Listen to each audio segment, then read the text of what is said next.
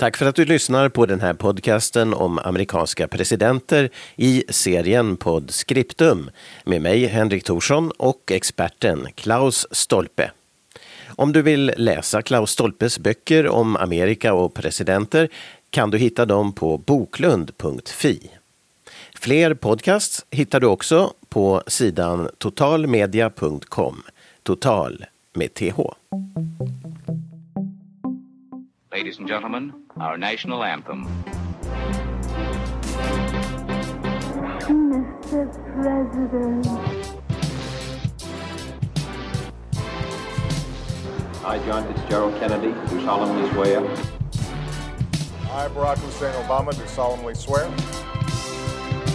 So help me God. Free at last! Free at last! Thank God Almighty!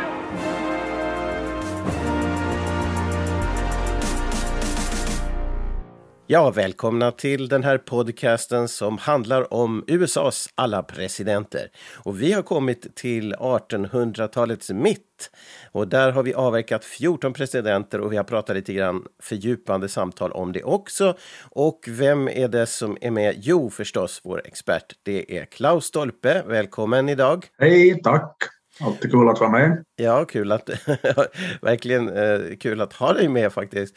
Och eh, vi ska ju då avverka den här femtonde presidenten nu som heter James Buchanan. Och det är ju en okänd filur för oss. Men innan vi gör det, innan vi gör det så kan jag bara fråga om en term som jag tror vi tog upp senast. Och det är dogface, alltså degansikte. Dogface. Ja. Vad betyder det? ja, det är helt enkelt ett öknamn för en, för en nordstatare med sydstatsvärderingar.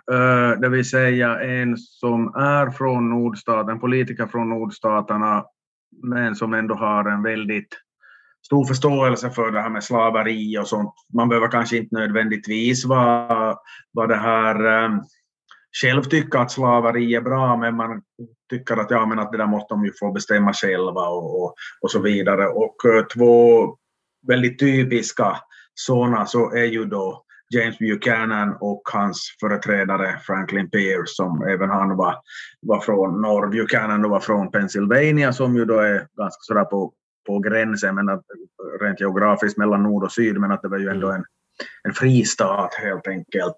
Och, eh, och Buchanan så trodde, trodde liksom på allvar att han skulle bli någon sorts någon sån Washington-ikonfigur genom att lösa det här problemet och sånt. Men att eh, han själva verket så gjorde han väl den här utvecklingen i riktning mot ett inbördeskrig så det, det var liksom, gick inte att stoppa sen, sen mera. Det bröt visserligen ut, Mm. ut, ut, ut, ut då sen under det Lincoln vi associerar med inbördeskriget men att, eh, Mm. att, eh, att eh, Förarbetet. för, alltså, ja, att jag tänkte säga kratta manegen. Då, Ja. då, då det här, gör man ju någonting med flit. Naturligtvis ville inte Buchanan ha ett inbördeskrig men att han, han liksom de, de åtgärder han vidtog så bara reta upp de här stämningarna och han så väldigt sådär eh, ensidigt på tyckte att, att den här konflikten som USA då var i, att det var, att det var som slaverimotståndarnas fel helt och hållet och sånt för att de liksom skulle börja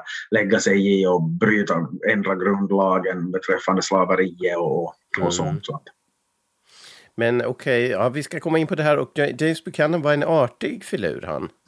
Eh, ja, jo, jo, Eller det- verkade vara. Verkar Jo, vara. jo, jo alltså, han var ju liksom inte, inte, inte elak som människa utan det, det var alltså uppenbarligen så att det var en sån här, skulle han ha varit engelsman så skulle man ha väl tyckt att han skulle ha varit liksom urtypen eller nästan parodi på en sån där gammaldags brittisk gentleman men att, eh, så att, att det var ju inte där det var, så att jag kan ju föreställa mig att hans han hade ju varit diplomat eller ambassadör och det, det kanske, där kanske han pass, passar bättre med lite småprat och, och, och så vidare. Så att, eh, Mm. Men han, ja, så att, eh, hans bakgrund, alltså, han, har, han har ju en lång politisk karriär först och främst. Absolut.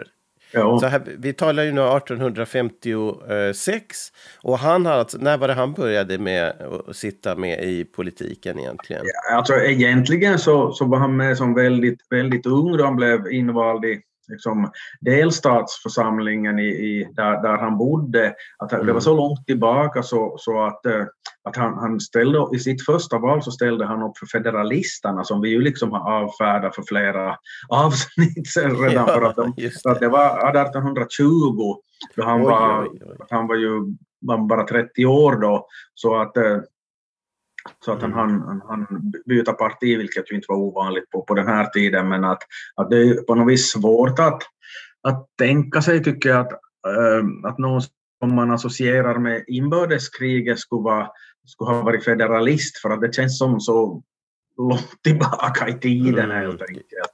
Ja, ja visst alltså. Och, men eh, det är lite som egentligen Joe Biden nu, för han var ju 1970 som han började i... eh, Då var det ju på riksplanet antar jag. Ja, ja, ja nej, men så, så den, den parallellen kan man, så kan man nog, nog, nog dra för att ehm, vad heter det, jag menar Biden så, så var ju nätt och jämnt valbar för att vi har gått igenom det tidigare men bara som Mm. kuriosa kan man ju nämna att han var att man skulle vara 30 år för att, att sitta i senaten, alltså på riksnivå. Men att Mm. Biden var ju inte 30 då han blev vald, därför att man räknar inte på det viset i USA, utan det handlar, från, eh, det handlar om hur gammal man, då man ska tillträda. Så att Ja, han, just han var Man är liksom- valbar innan. Ja, precis. Så att han var ju Mm. 29 år och, och 11 månader om vi säger så, då, då, han, då han blev vald, men han hann fylla 30 innan, innan han svors in helt enkelt. Så att, eh, men att det är ju också en, en anmärkningsvärd tidsmässig skillnad för att, för att det, var, det var alltså 1972 som han blev vald i senaten. Så att, att då, Mm. då, då, den, då Joe Biden blev invald i senaten första gången så var Richard Nixon president. Och det, Mm. det känns som, jag menar, jag är född 1964 så att Mm. jag menar, Nixon var, var den som var president då jag var liten, alltså den första som Ja. jag har något, något som helst minne av. Mm. Fattas bara annat, för att så nördig kan jag ju inte ha varit eftersom jag, eftersom jag var fy, fyra år då Nixon blev vald. Men att han, att jag var ju tio då han avgick, så att jag, jag minns ju honom i alla fall. Inte för att jag nu förstod, Mm. förstod vad, vad Watergate-skandalen var för någonting, men, men, men i alla fall att det finns i mitt det finns i, mitt, i, som, i, min, i den värld som jag, den verklighet och värld som jag minns någonting av. Helt enkelt. Ja. Ja, men det är en enormt lång tid. Och, eh, men P, eller eh, Buchanan då, eh, Buchanan var ju född alltså på 1700-talet och är väl egentligen kanske den sista presidenten från 1700-talet. helt enkelt. Jo, jo, jo, det, det, det är han ju nog för att, att, eh, att jag menar sen när vi är inne på 1860-talet och, och jag menar Lincoln är född 1808 eller 9 Mm, just det. Mm. och så, så, så att de, de andra är ju sen på, och för att Buchanan var ju ingen liksom på det viset ungdom att han, Mm. var, han var ju 66 då han blev, blev vald så han är ju en av de äldsta presidenter som, som USA har haft helt enkelt.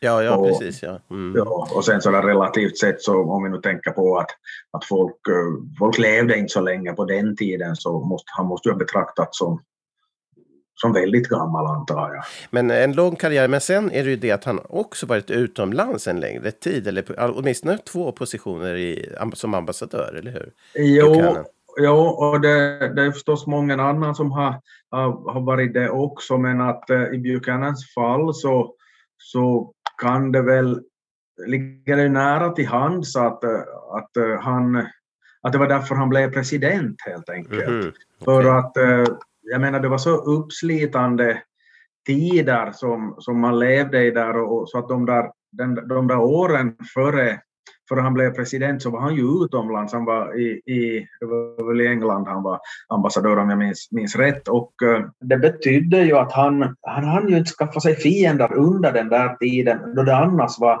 väldigt, väldigt det här så otroligt infekterat att jag menar under mandatperioden före honom så som hade ju inbördeskriget tjuvstartat i Kansas till exempel Mm. och, och liksom sån, sån här så, sån här, sån här grejer så att det var, det var väldigt dramatiskt och det var som gjort för att, att få en massa fiender oberoende vad man, vad man öppnar truten om, om vi, om vi säger så.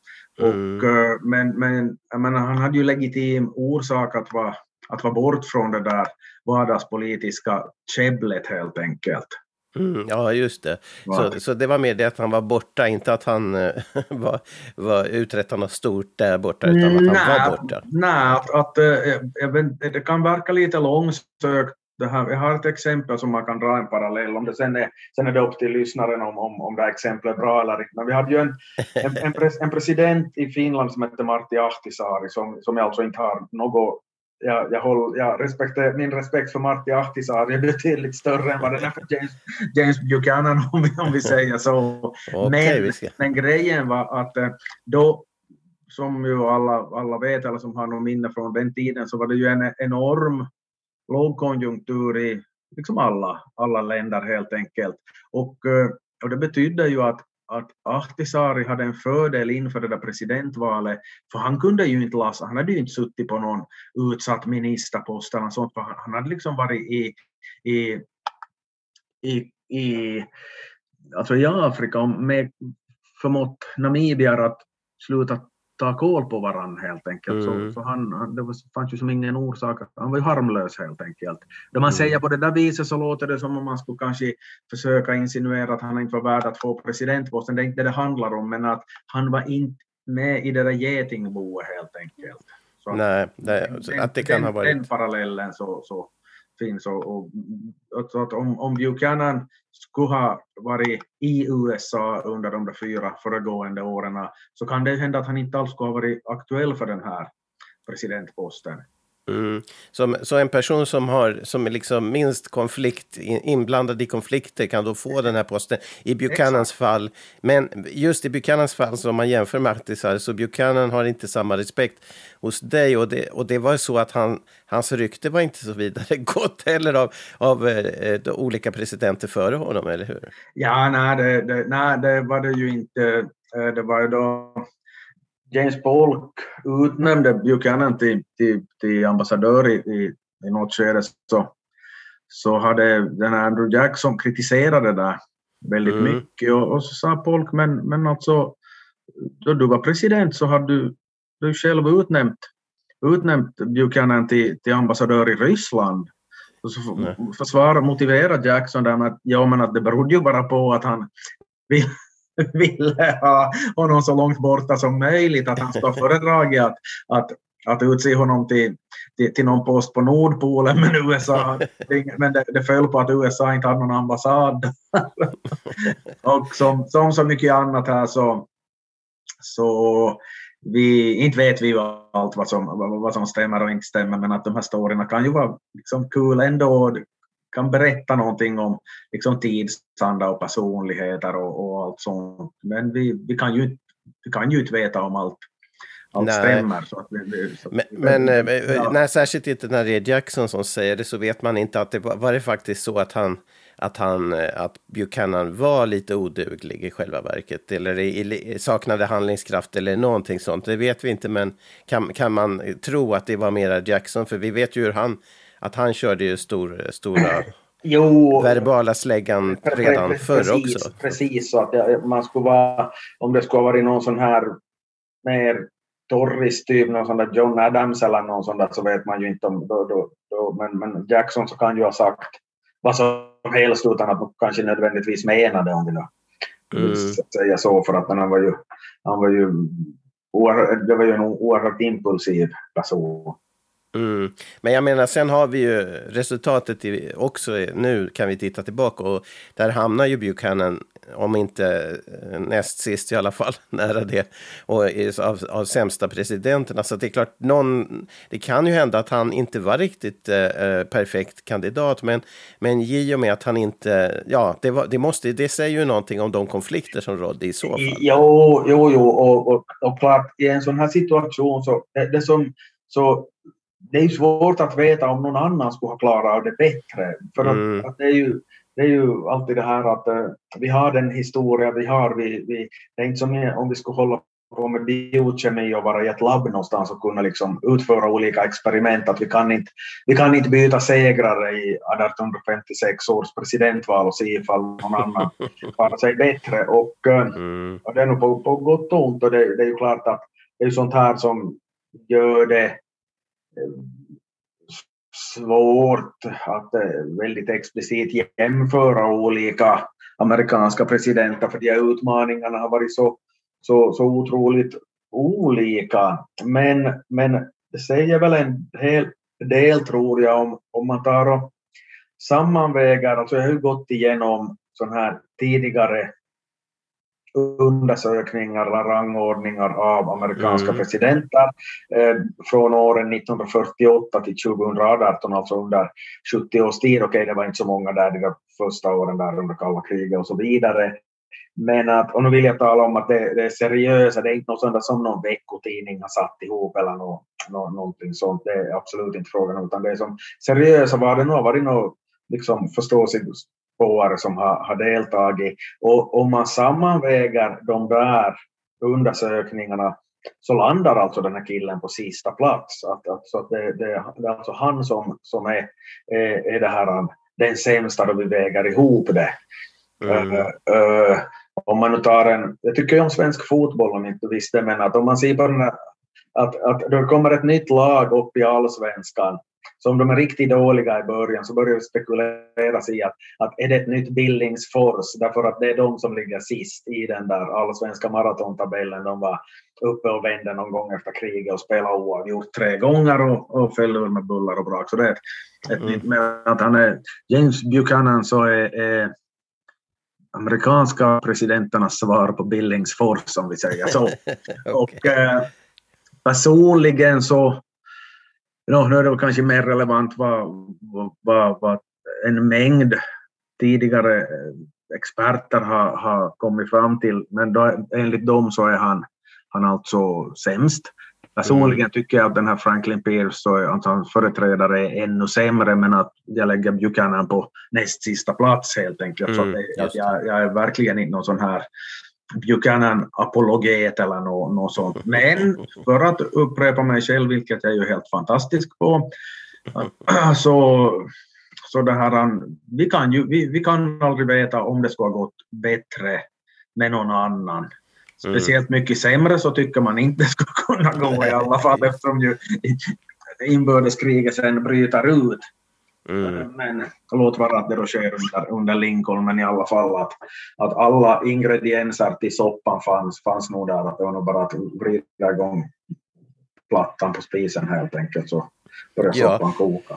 Men, men när vi talar om Doug Face och eh, sen också om eh, det som kommer då sen, eh, brytningen här. Så det är ju, när man säger nordstat och sydstat här, så det är slaverifrågan som, som, är, som vi har pratat om genom flera avsnitt. Alltså det är den som är grejen här. Det är inte några andra frågor som skiljer syd och nord egentligen. Alltså de är ju invävda i varandra, de där frågorna mm -hmm. i praktiken. Men att, att det är en sån här skillnad är ju att, att eh, Ska man ha höga tullar eller ska man satsa på frihandel? Och det, är, mm. det kan också kopplas till slaveri eller den här samhällsstrukturen för att, eh, att eh, nordstaterna så var inte lika agrara längre. Där hade liksom urbanisering och, och, och industrialisering kommit igång på ett annat sätt. Och där mm. ville man ju då skydda den egna industrin, alltså ville man ha höga tullar på importvaror. Ja, just det. Eh, I södern så kretsar ju väldigt mycket kring grödor som framförallt bomull, men också mm. tobak och, och, och, annat. Och de ville ju ha frihandel, för de ville ju sälja, sälja ja, de här grejerna sina och sen kunna på motsvarande sätt importera billigt för det som, det som framförallt bomullen gav. Och det var ju mm. då också, det blir ju då därför även det indirekt kopplat till slaverifrågan därför att, att bomulls bomullsnäringen är så pass arbetskraftsintensiv, det vill säga man ska vara och plocka det där på fältena och då, då har man slavar så ja, då är det ja, billigare helt enkelt. Eh, mm. Även om nu inte industrierna i norr var så avancerade men att det passar sig sämre för, för slavarbetskraft i alla fall för att där var det ändå lite mer avancerade uppgifter som, som det gällde och, och slaveriet hade ju då levt ut sin, sin roll i, mm. i, i norr. Ja, och det är ju, det är ju en intressant fråga det där, för det är ju både en, en förfärlig syn på människor då, som är slavar, men sen är det samtidigt ett behov av en ekonomiskt, eh, en, en eh, vad kallas det nu, men alltså ett verktyg för att, för att hålla Ja, ja. ekonomin igång, nämligen slaven som robot nästan. Ja, ja, precis. Eh, Som, och som är egentligen det viktiga antal, jag menar, det är ju, den här nedvärderande människosynen är ju inte det de kämpar för i första hand, utan de kämpar ju för att skulle man kunna, eh, ha då haft några robotar på den tiden så skulle de ju kunna gladeligen ta dem istället. Ja, ja, jag förstår din poäng. Ja. Och, Men, och det, men, men vi, vi ser ju, alltså idag ser vi ju framförallt den här människosynsfrågan som en helt förfärlig grej, att det har funnits i vår värld ungefär. Jo, jo, naturligtvis för att vi, vi har de värderingar vi har helt enkelt. Mm, Eh, Men där är ju också alltså den här cynismen i det hela, eller vad det, cynism kanske inte är det perfekta ordet här, men att, att då, då slaveriet diskuterades så, så betonar ju betonar ju de här slaveriförespråkarna i södern, främst i södern, de, de fanns av lätt insedda skäl, så betonar ju att, att en, en slav i, i södern så, så hade längre livslängd än, industri, än en industriarbetare i norr. Ja, säga, det. un- underförstått att de har det bättre. Mm, Och, och, och nu kommer vi in på, men, men det oaktat så en, en, en knägare på, på någon fabrik som gör skiftnycklar eller någonting sånt, så han, han riskerar ju, en- okej det är säkert inte några sötebrödsdagar på, på den där tiden, mm, lå- lågavlönat och smutsigt och bullrigt och gud vet vad, men det oaktat så det här människovärdet är ju trots allt lite större ifall man nu inte löper risk att bli såld på en auktion. Ja, Och- nej, och märk väl- frihet är ju en Ja, ja, precis, alltså. alltså. att, äh, att äh, för, för jag menar, det, då, man, då slavar såldes så att det var ju så pass godtyckligt så att inte, inte var det ju alltid som man sålde den tillsammans med familjemedlemmarna utan det kunde vara Mm. någon, någon liksom, som fick skiljas från sina barn eller make eller maka och aldrig såg den på nytt därför att man hamnade liksom till någon, någon annan delstat för att det var någon, någon, någon slaveri, slavägare i South Carolina som tyckte att han behövde få lite, lite större likviditet och så tog han några slavar med sig till auktionen och plötsligt så är det någon från Alabama som, som köper den här Mm. personen och så, så vidare. Så att det är ju, det är ju jag tror det är människovärdesfrågan så, så det liksom betydde ju inte något för, för, för de här som propagerar för det här slaveriet. Nej, nej, intressant fråga. Och den, den, eh, det är klart att, att, att föreställa sig att människor är nödvändiga för vår ekonomi och, och ta det som viktigare än, än människans frihet eller dess status som människa. Det är klart, där redan är ju problemet. Men, men det var ju så man, man, man hade det som, som det viktigare för att man såg ner på människor och därför såg man ekonomin som det viktigare. Jo, jo, vi ska komma ihåg att det, det är det här nu, vi talar ju om 170 år sedan, ungefär Mm. väldigt, väldigt grovt. Och eh, jag menar inte en torpare i Finland eller Sverige så, eller statare så var ju inte speciellt mycket värt heller. Nej, nej, nej. Och det de, var, de var ju inte slavar, de var ju inte slavar men att det var ju, det var ju alltså ingen, ingen avundsvärd tillvaro om vi nu uttrycker saken mycket diplomatiskt. Mm. Nej visst, och, eh, och, och sen det andra är ju att det är, jag menar det är nu, de här senaste åren vi sett ju en rörelse bort från det arvet som det där slavtiden ju fortfarande har i Amerika. Alltså, Ja, det här är ju en intressant fråga, för Buchanan är då alltså inte direkt slavivrare, men han är inte emot det här eh, frågan heller. Ett, ett, men han är inte själv slavägare eller så. nej, nej, precis. Alltså grejen är det att, att eh, han, han stirrar väl sig uppenbarligen blind på konstitutionen. Och eftersom den inte förbjöd slaveri så, så var det, då, då var det okej med det. Men okej, det går ju alltid att göra, fixa tillägg till, till, till den här konstitutionen. Men, men att, eh, att han, som på de grunderna, och likadant var det ju då, då, då sydstaterna började eh, eh, överge unionen, visserligen då alltså efter, efter att Lincoln hade vunnit valet så är det några sydstater som hoppar av direkt, vilket Mm. gör Buchanan till den enda presidenten som har sitt, sitt USA blir mindre de facto. Eh, Ja. Därför att, det, det var för att de, de hoppade av direkt alltså innan Lincoln hann tillträda, för det gick ju fyra månader där, däremellan. Men att Mm. då de gjorde det så, så då var det då tyckte han att det stred mot konstitutionen att, att göra som de gjorde, men å andra sidan så upplevde han att konstitutionen inte gav honom någon rättighet att förhindra det heller. Så att det var ju ett Ah. lite, lite märkligt resonemang kan ju tyckas. Mm, han var väldigt noga. Han var Alltså, väldigt noga. Det, det gällde också liksom sånt som små pengar och sånt. Så ot- otroligt, alltså in- in- inte snål, men att rätt ska vara rätt och så vidare. Så att de, Mm. han hade liksom också med dels privatekonomi men också sådana allmänna medel i, liksom för liksom, typ hushållskassan i, i presidentbostället så att, att om det äh, kunde vara väldigt noga med att, att den här handlaren skulle få exakt på, på centen rätt, Okej. rätt summa och så vidare. Så att det verkar ha varit, äh, ger intryck av att ha varit en, en väldigt pedantisk person. Ja, ja, och det, just det, det är lite broms för handlingskraft. Men, Det- men, det ju. Om vi backar till valet, alltså 1856-valet då. Hur, Mm.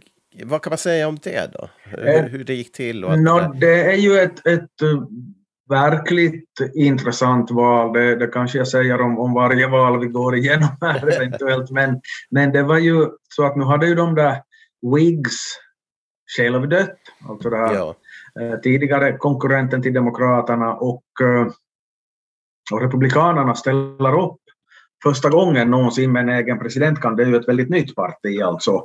Mm. Och eh, de, de noter, no, nominerade en som heter Fremont, eller Fremont tror jag för att han hade franskt, det är egentligen franskt det där namnet. Jag brukar säga Fremont men att det eh, Fremont, Fremont, ja. Mm. Fremont skulle vara, lätt. Och eh, det där så var en väldigt spännande typ. Eh, Mhm. För eh, han var, om det nu heter upptäcktsresande då eller någonting sånt, fast man då gör det inom, inom eget, eget land så att säga. Men han rörde sig då där i Kalifornien för att stifta bekantskap med hur, det, hur såg det nu ut i det här som då skulle bli USAs nya delstat och, och så vidare. Det bodde ju inte så mycket folk på, folk på västkusten då ännu. Men att han var, han var då som före, före den här guldruschen 1848 äh, 49 som ju gjorde att, att en mängd människor sökte sig till Kalifornien så då var han Mm. där redan. Och då hade han också sån tur så att man hittade guld på så där han bodde helt enkelt. Så att det, var ju, det, var ju han- det var ju hans eget guld. Men att eh, det var nu diverse felsatsningar och sånt så att han, han dör ju sen småningom helt utfattig den här karln. Men, Aha, att, eh, men han var då, nå, vi kan förstå då att han var mot slaveri rent Mm. principiellt men, men det skulle vara väldigt fel att liksom utmåla honom som någon sån här filantrop eller någon sån här människovänligt, för därför att han, han var med om några liksom massakrer mot ursprungsinvånare i, Aha. bort, borta där längs västkusten så att det var tydligen sånt, sånt gick för sig även om man var mot slaveri helt enkelt. okej. Att, Men, men, men det här, hur, hur kom det sig att... eh, Var han med och bildade det där nya partiet då, eller? Eh, det, ja, det, han måste ju ha kommit med väldigt... Jag vet inte om han var med och bildade, men att, eh, men att Republikanerna var ju så himla nytt så att nu kom han ju med riktigt, från, riktigt från början. Nu.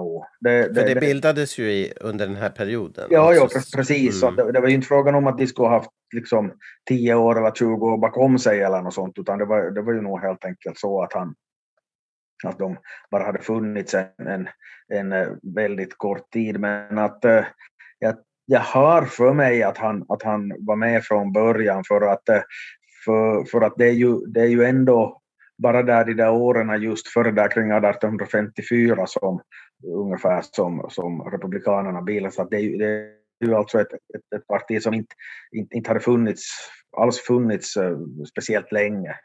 Men den, hur var det nu de kom, vilka, vilka grupper kom in i det partiet då? Var det ifrån det som var eh, förr federalistmänniskor och sen blev... Ja, Whigs i någon Ja, mån, var men, i, i, nå- i någon mån, men, men framförallt så var det ju de här slaverikritikerna, slaverimotståndarna. Och nu vill jag betona alltså en, en grej här som, som, som folk kanske inte riktigt kan förstå för att, att, att från början så handlade det inte om ett totalförbud mot slaveriet. Mm -hmm. Okej, okay, det kan ha varit rent taktiska skäl för man visste att, det var, att tiden var inte mogen för något sånt, utan republikanernas käpphäst så var ju att, att, äh, att slaveriet inte skulle utvidgas till de nya delstaterna. Man, man, man visste ju att USA skulle, skulle växa kontinuerligt.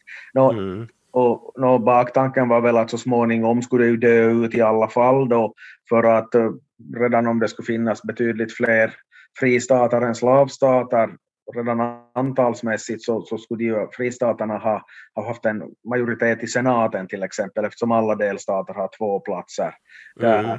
Men att uh, just, just det här utpräglade synen på att det inte var ett totalförbud mot slaveriet utan att det inte skulle tillåtas i nya delstater. Så det, jag, tjuv, jag tjuvstartar här med Lincoln lite, att, att även han Även Abraham Lincoln så var ju villig att, att gå med på ett tillägg till konstitutionen mm. att slaveri inte ska förbjudas i de delstater där det finns från förr. Ja, att det bara, det. Mm. Så, så, att, och det, det kanske inte stämmer riktigt överens med den bild som gemene man har av Abraham Lincoln. Nej.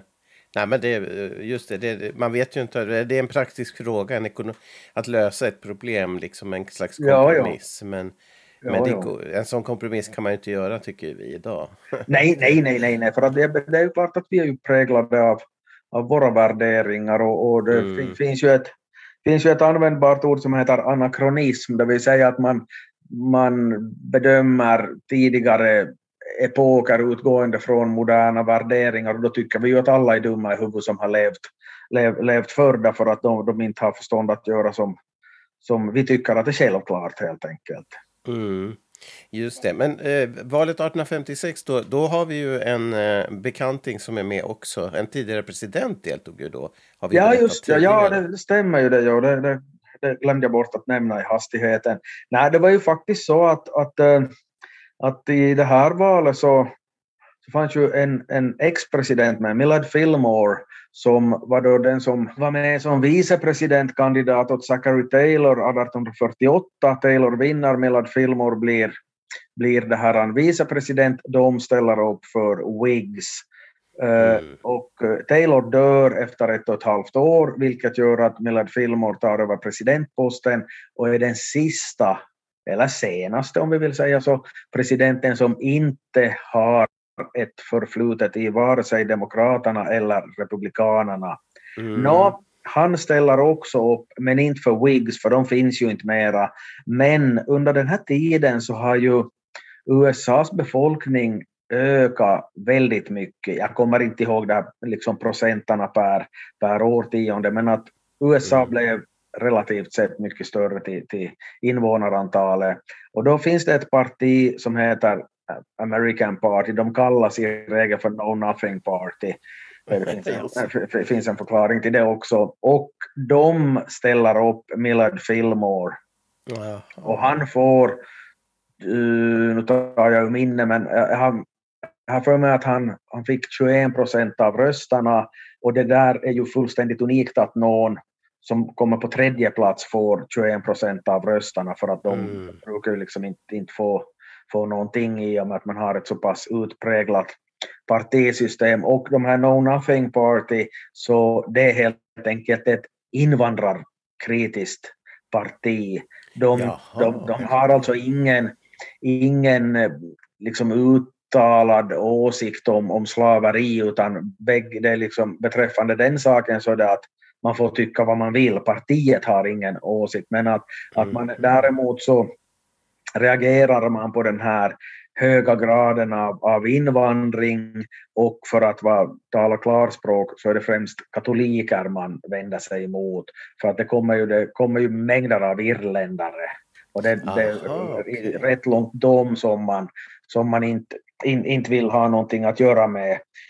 De har mhm. också mm anklagats för antisemitism, men mm. jag tror att det var ett, okej okay, kanske de inte var, var speciellt välvilligt inställda mot judar heller, men att det var en, en nog alltså främst de här katolikerna de vänder sig emot i, det, det som jag har sett och läst i alla fall, alltså Mm. vilken typ av, av argumentation och propaganda som har använts, så, så är det just att framställa nu irländska, ka- irländare, ka- irländska katoliker som lägre stående varelser ungefär.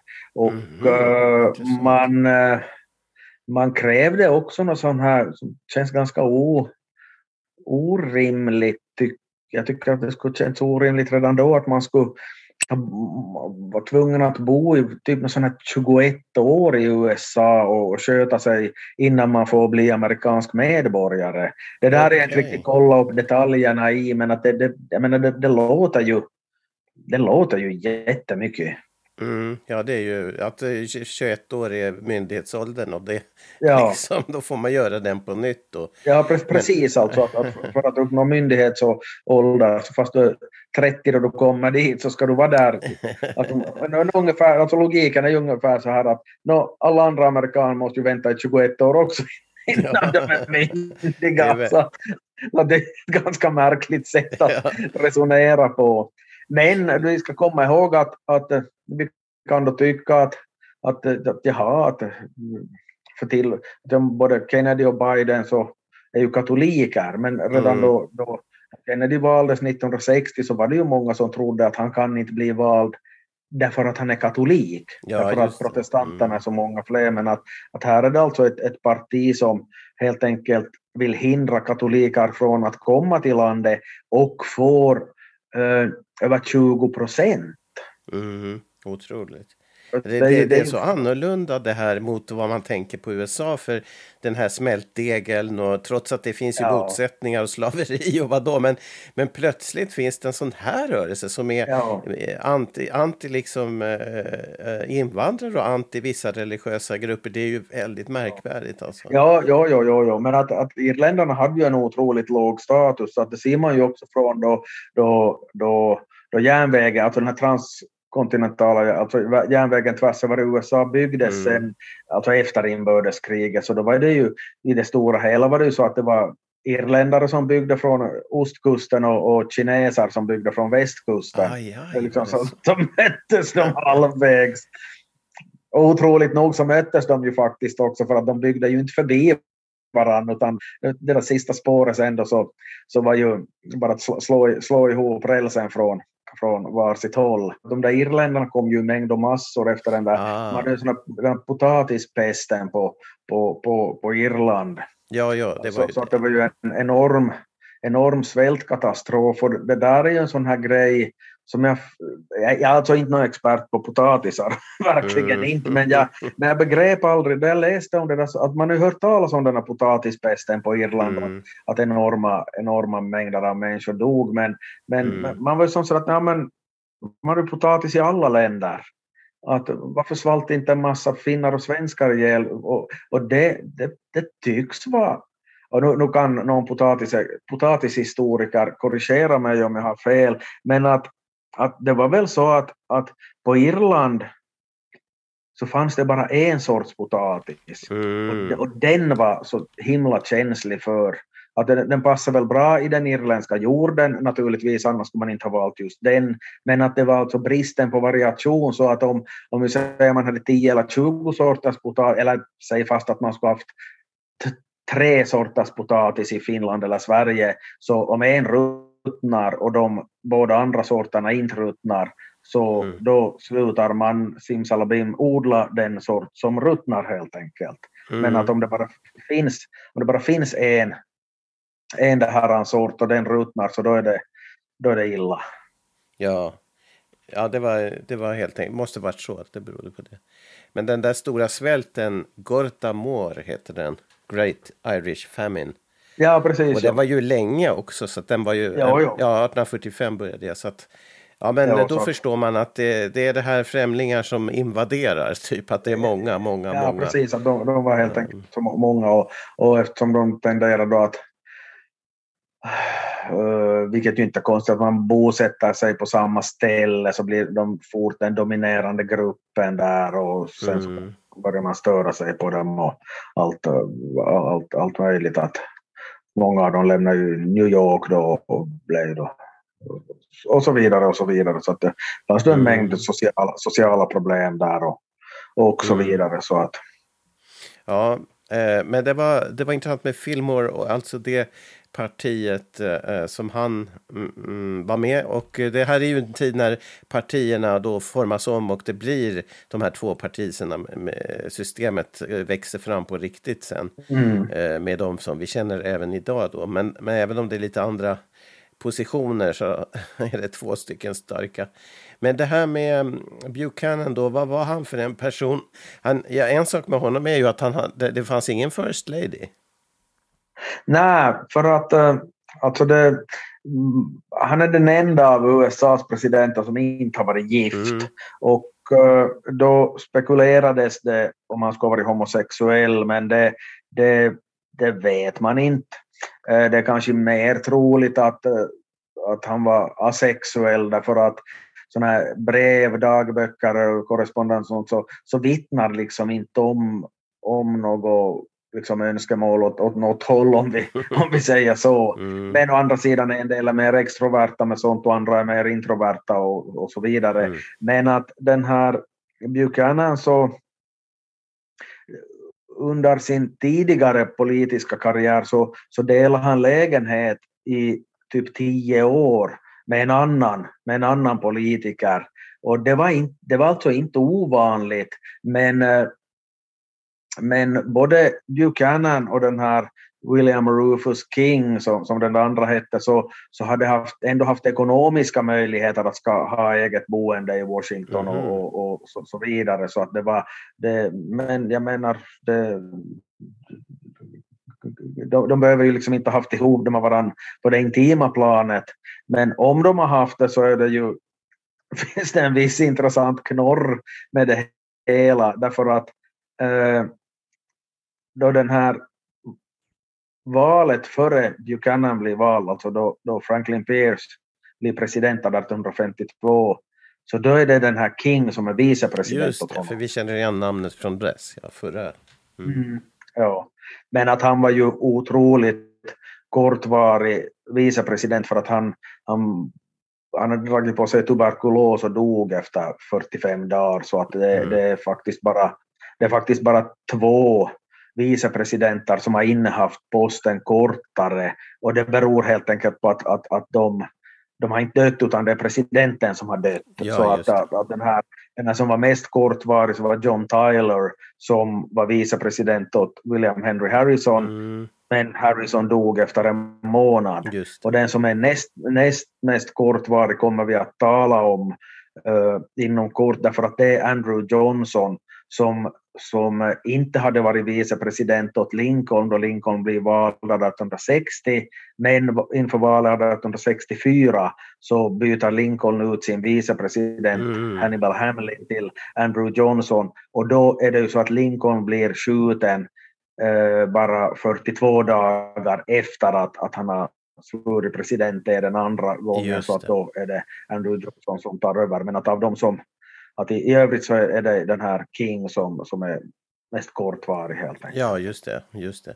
Men eh, så vid valet... Eh, men okej, då eh, Buchanan...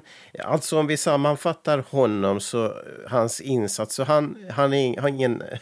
för han har inte någon bra record alltså. Eh, betyget blir lågt för honom. Och det är det då för att han bäddar för att de här sta, eh, sydstaterna, vissa bryter sig ur nationen och, och, eller i gemenskapen och på så vis blir USA mindre? Är det det som är hans...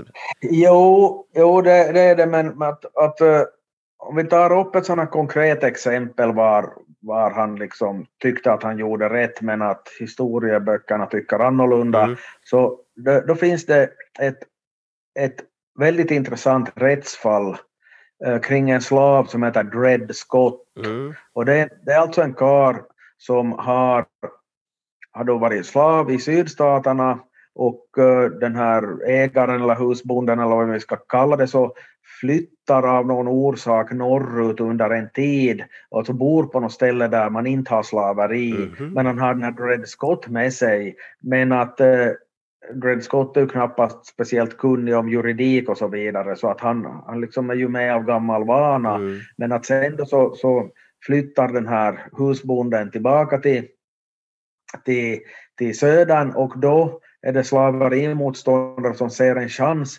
att pröva detta rättsligt. Ah. Att i princip så ska han ju inte vara slav längre eftersom han har bott i en nordstat så att, det- så att eh, Mm. slaveri, hans, hans egenskap som, som slav, eller så, så, så har liksom Försvunnit och upphävts. Ja, försvunnit, elim- eliminerats, Mm. upp, upp, upp, upphävts, tack det var det ordet som jag letade efter.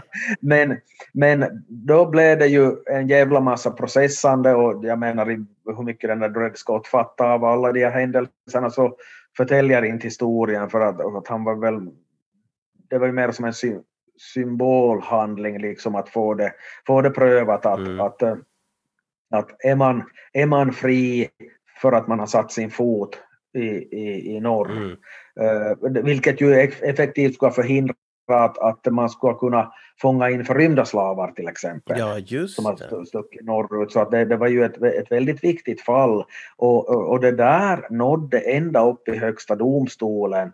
Och Buchanan så visste antagligen hur det skulle sluta. Jaha. Men det låtsades han inte om, utan han sa då att, att, eh, att, ja, men att, att nu, nu, nu, nu har vi det här Dred, Dred Scott-fallet och vi väntar på utslaget och då, har vi, då, kom, då vet vi hur det kommer att vara liksom för all framtid. Ja, För nu, nu, nu, är det, Mm. nu är det högsta domstolen som ska bestämma hur det är med slavar som har vistats i norr. Mm. Och det, det var ju så att eh, högsta domstolen, alltså det, det här är helt sjukt, alltså det skulle vara en sak om de, om de skulle slå fast att nej, man, är man slav så är man slav, Mm. men att, att de helt enkelt eh, låter den här Dred Scott förlora det där fall, eller det blir inget fall för att de, de kommer fram till att men alltså eftersom den här killen är färgad så har han inte rätt att driva ett fall på den här nivån. Ja, just det. Okej. Så det, det är ju liksom, det är liksom ännu värre än, än,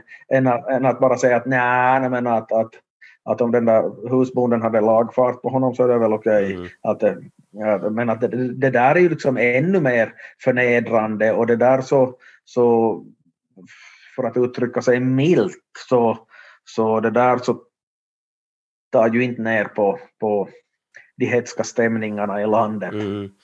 Nej, nej, och, och, han har inte talerätt helt enkelt. Nej, nej, pre- precis, precis.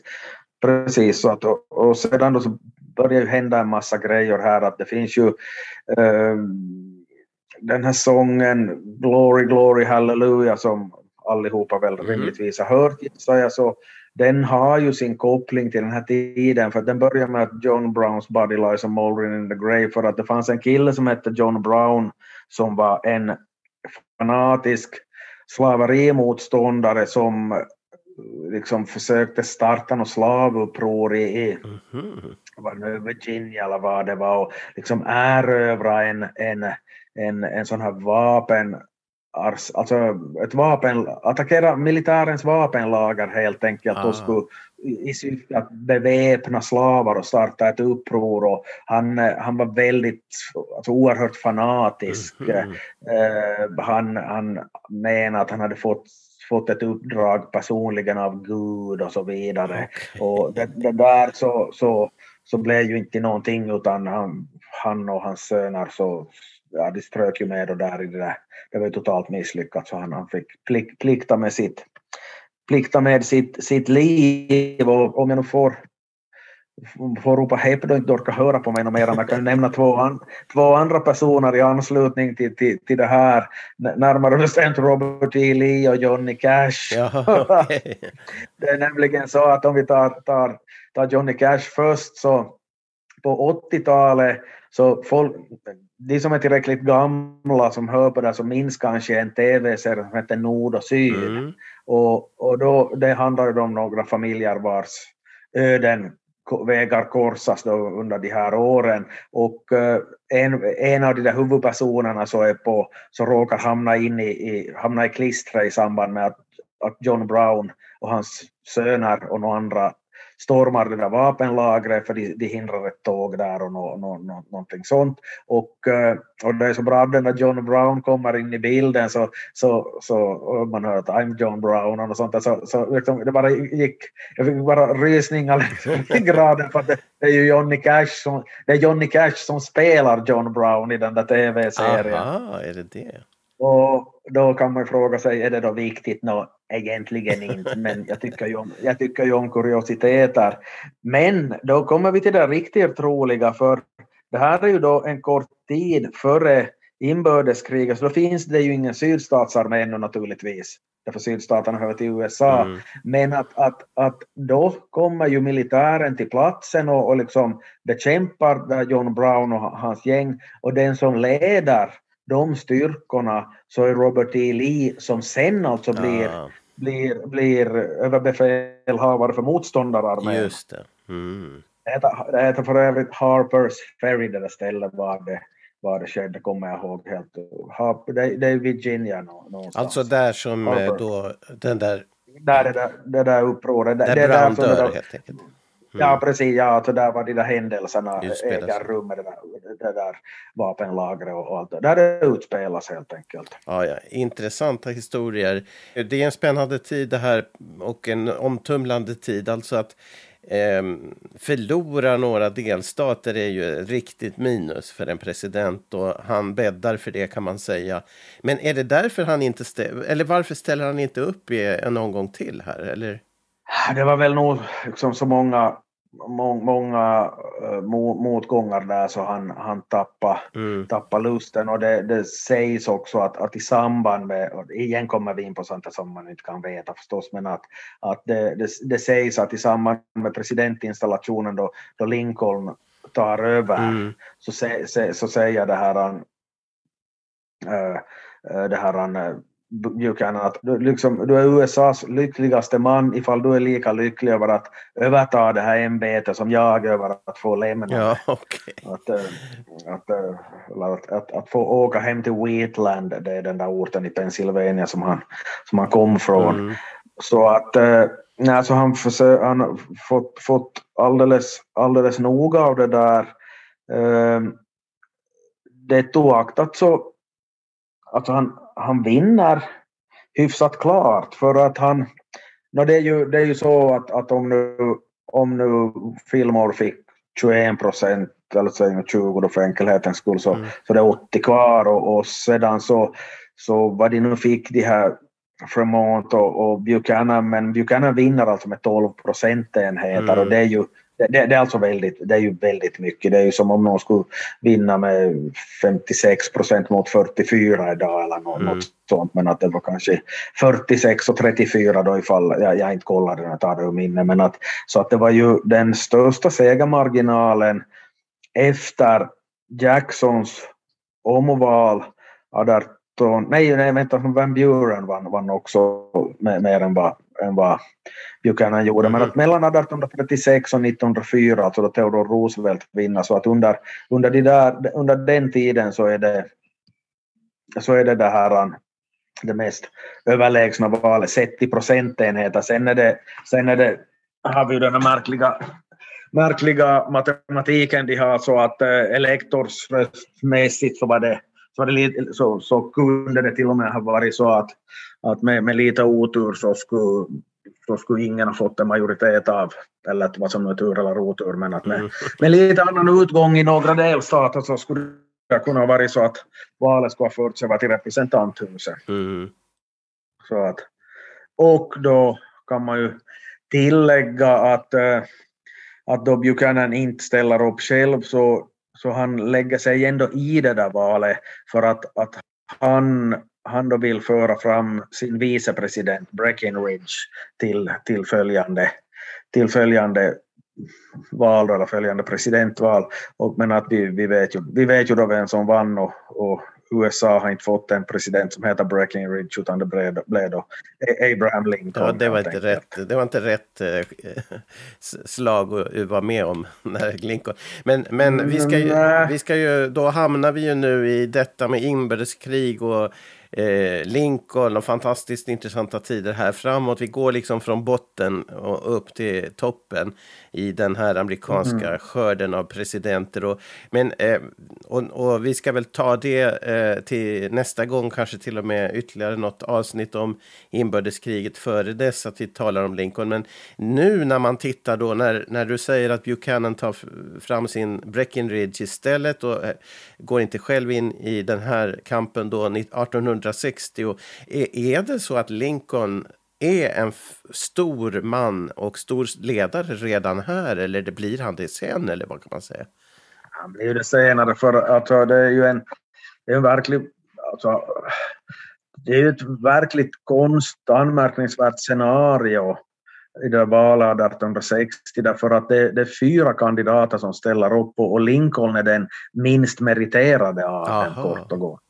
Och, eh, men det som ju underlättar för Lincoln eller helt enkelt gör att han kan vinna så, så det är just den här splittringen. För, mm. för Link, Lincoln så, så får, om vi ska vara riktigt petnoga, så han får 39,8 procent av rösterna men han får en majoritet av elektorsrösterna. Men Abraham Lincoln är den enda som har blivit vald med majoritet av, av elektorsrösterna och utan att ens ha fått över 40 procent av, av, av rösterna i valet.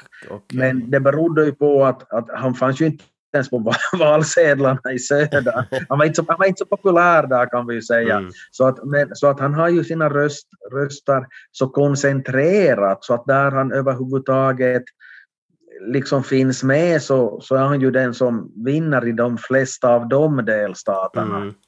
Och, eh, och de här, alltså det börjar den här splittringen med att Demokraterna har sitt konvent och då står det i slutändan mellan just den Breckinridge, alltså den sittande vicepresidenten, och uh, en som heter Stephen Douglas.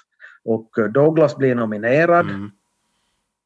och sydstatsdelegaterna blir arga och nominer, en kort tid senare så nominerar man Breckinridge så plötsligt är det två demokrater som ställer upp och det är klart ah. splittrade ju rösterna. Just det. Och utöver, utöver det så, så finns det då en ny väldigt kortlivad gruppering som heter Constitu Constitutional Union Party mm -hmm. och då förstår vi ju att det, det, de, deras A och O där är ju att upprätthålla unionen mm. och föga förvånande så är de är som starkast i det här gränsområdet mellan nord och syd för man fattar ju att det är ju där som slagen kommer att stå om det blir, om det blir ett krig. Ja, så, så, att, eh, så att den där, den där valkampanjen blir jättekonstig för att det är i praktiken två olika valkampanjer. Mm. Att det är Breckinridge mot Bell i södern därför att den här Douglas så så man tycker att han inte är tillräckligt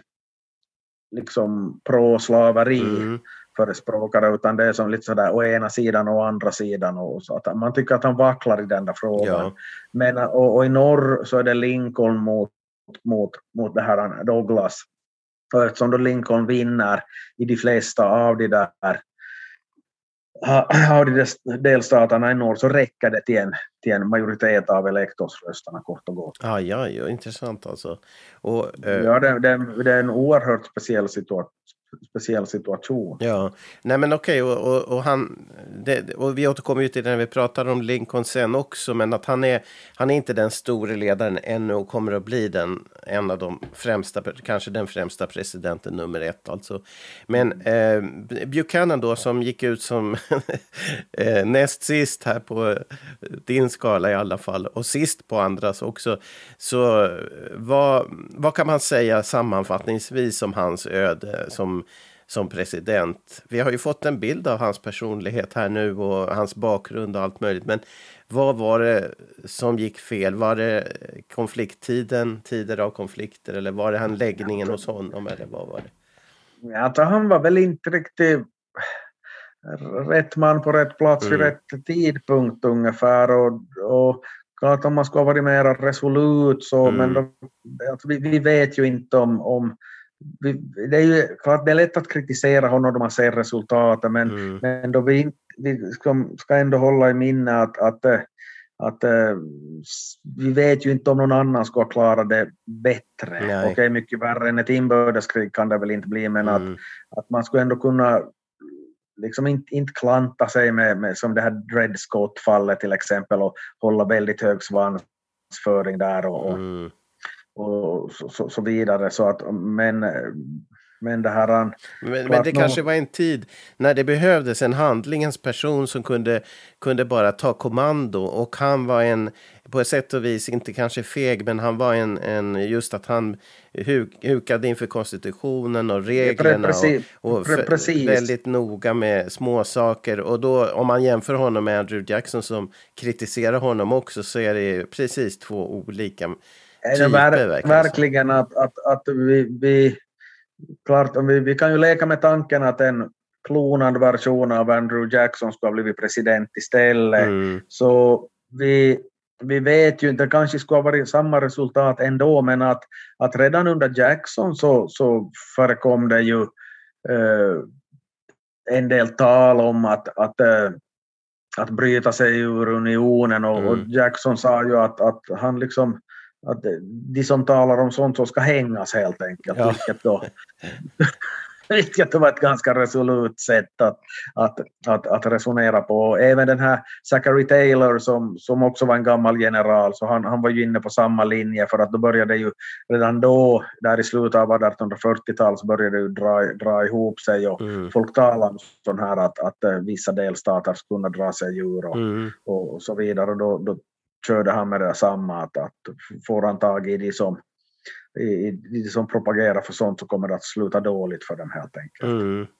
Men, eh, nej, men så det finns väl lite i personligheten också här som, som, och vi vet inte hur stor roll det spelar i det här fallet, men det var inte någon lyckad, lyckad nej, sak nej. att han hade den här svagheten. Nej, att han, han, tydligen en väl vänlig själ men att för mycket sådana välande helt enkelt mm. och det var, det var inte som, det, det gav inte resultat i, i, i den under den epoken helt enkelt. Men, men är han i Amerika och um, där så, så, uppfattar man honom som en svag president och är det känt liksom, är det bekant och så?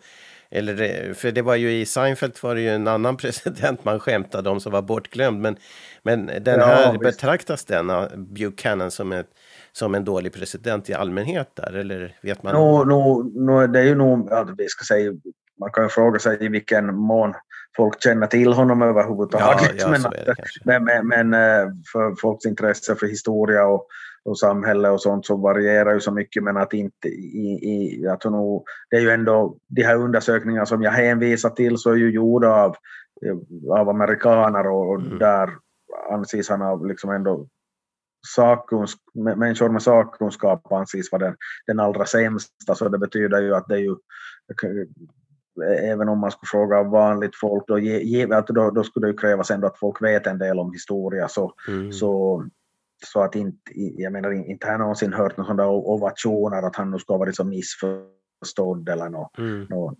något, något, något sånt. Så att det, och sen, sen kan man ju också tänka sig att han kan förekomma i en del filmer och, och sånt. Mm. Och då, då framstår, och då, då kan man ju tänka sig att de där filmerna så gör Lincoln till någon halvgud ungefär och då, då, då framstår ju företrädaren som någon ja, som en min, mindre lyckad individ om vi, om vi säger så. Ja, precis. Ja.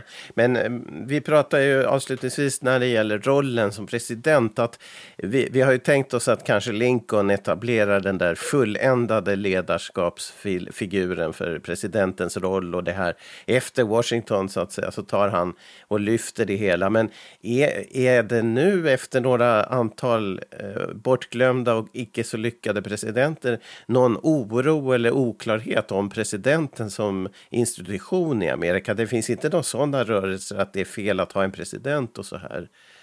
Nej, inte något som skulle, inte som, någonting som skulle vara kanaliserat via, via något etablerat parti eller något Mm. sånt. Sen är det en annan grej att, att vilken, vilken makt ska presidenten ha, Jo. så att det är ju vissa då som förstärker den där makten, Lincoln, för han liksom tar ju sig verkliga friheter under inbördeskriget. Mm. Och, eh, men, men sedan då så, så tonas det ju ner på nytt i och med att de här som sen också kommer efter Lincoln så är ju inte de här mest eh, profilstarka i, i, i, någon, i någon speciellt positiv bemärkelse. Nej, det är så att- igen då att det blir Ja, så att det är svacka. det som sjunk- sjunker, det blir en svacka helt enkelt. Och, och sedan vi, vi övergången till 1900-talet så då får vi följande kanske sån här eh, starka, sån här Theodore Roosevelt Mm. som, som, som är väldigt, vä- väldigt framfusig och så vidare.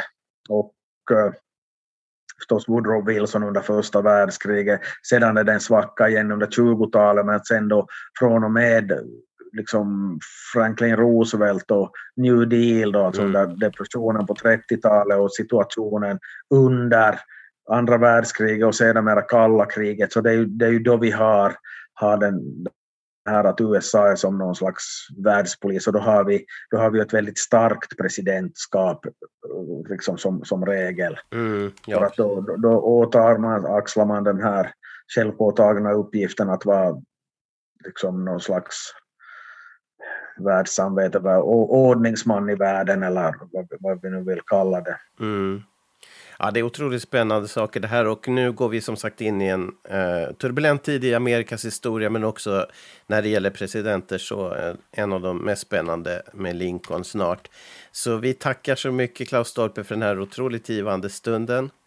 Ja, tack själv. Alltid lika skoj. Ja, tack ska du ha. Och vi hörs igen med nya presidenter. Följ oss bara på totalmedia.com. Tack så mycket.